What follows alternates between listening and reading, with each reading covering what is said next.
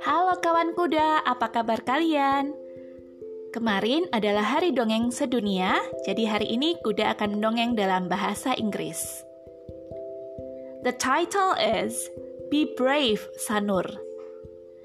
The story was written by Irati. Sanur is a little lion who lives in a little house in a little forest. Sanur is nice and brave. But you know what? He wasn't this brave before. People in Little Forest knew that Sanur was the most coward lion cub. He would jump every time he heard a loud noise. He would cry if he saw huge shadows at night. He would burst to tears only to see scary costumes until that day came. It was a hot day in a long dry season. Sanur returned home from school. In the middle of his way, he heard a voice that he knew very well. It was Bobby Monkey's voice. Help! Help me, please! Someone shouted. Sanur looked around and he was the only person there. Bobby? he called. Sanur, is that you? Help me, I fell down. I think Some blood. Bobby screeched. Sanur shivered. He imagined about blood and wound. He was afraid of those things. He looked at the ditch where Bobby fell down. Sanur trembled. What if he tried to help but he failed and fell down? What if? What if?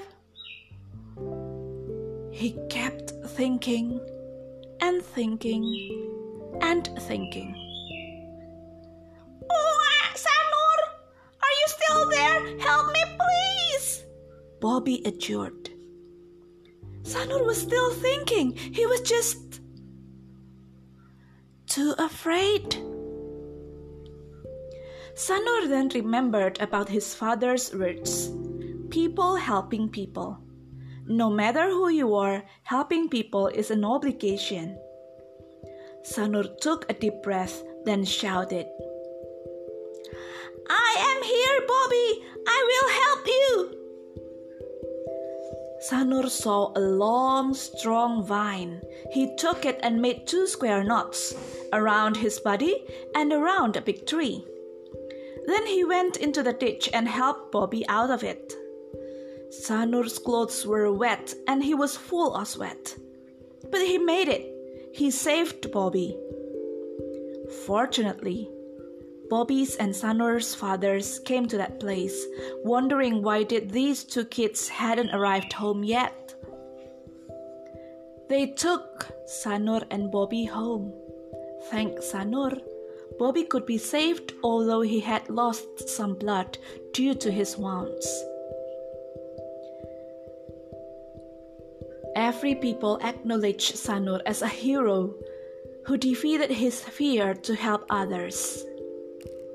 Since then, people knew that Sanur was as brave as a real lion.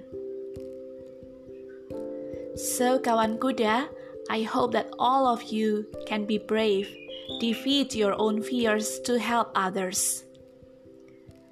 Jadi kawan kuda, kuda harap kawan kuda semuanya juga bisa seperti Sanur, mengalahkan rasa takut untuk membantu orang lain. Terima kasih sudah mendengarkan. Sampai jumpa pada cerita kuda berikutnya.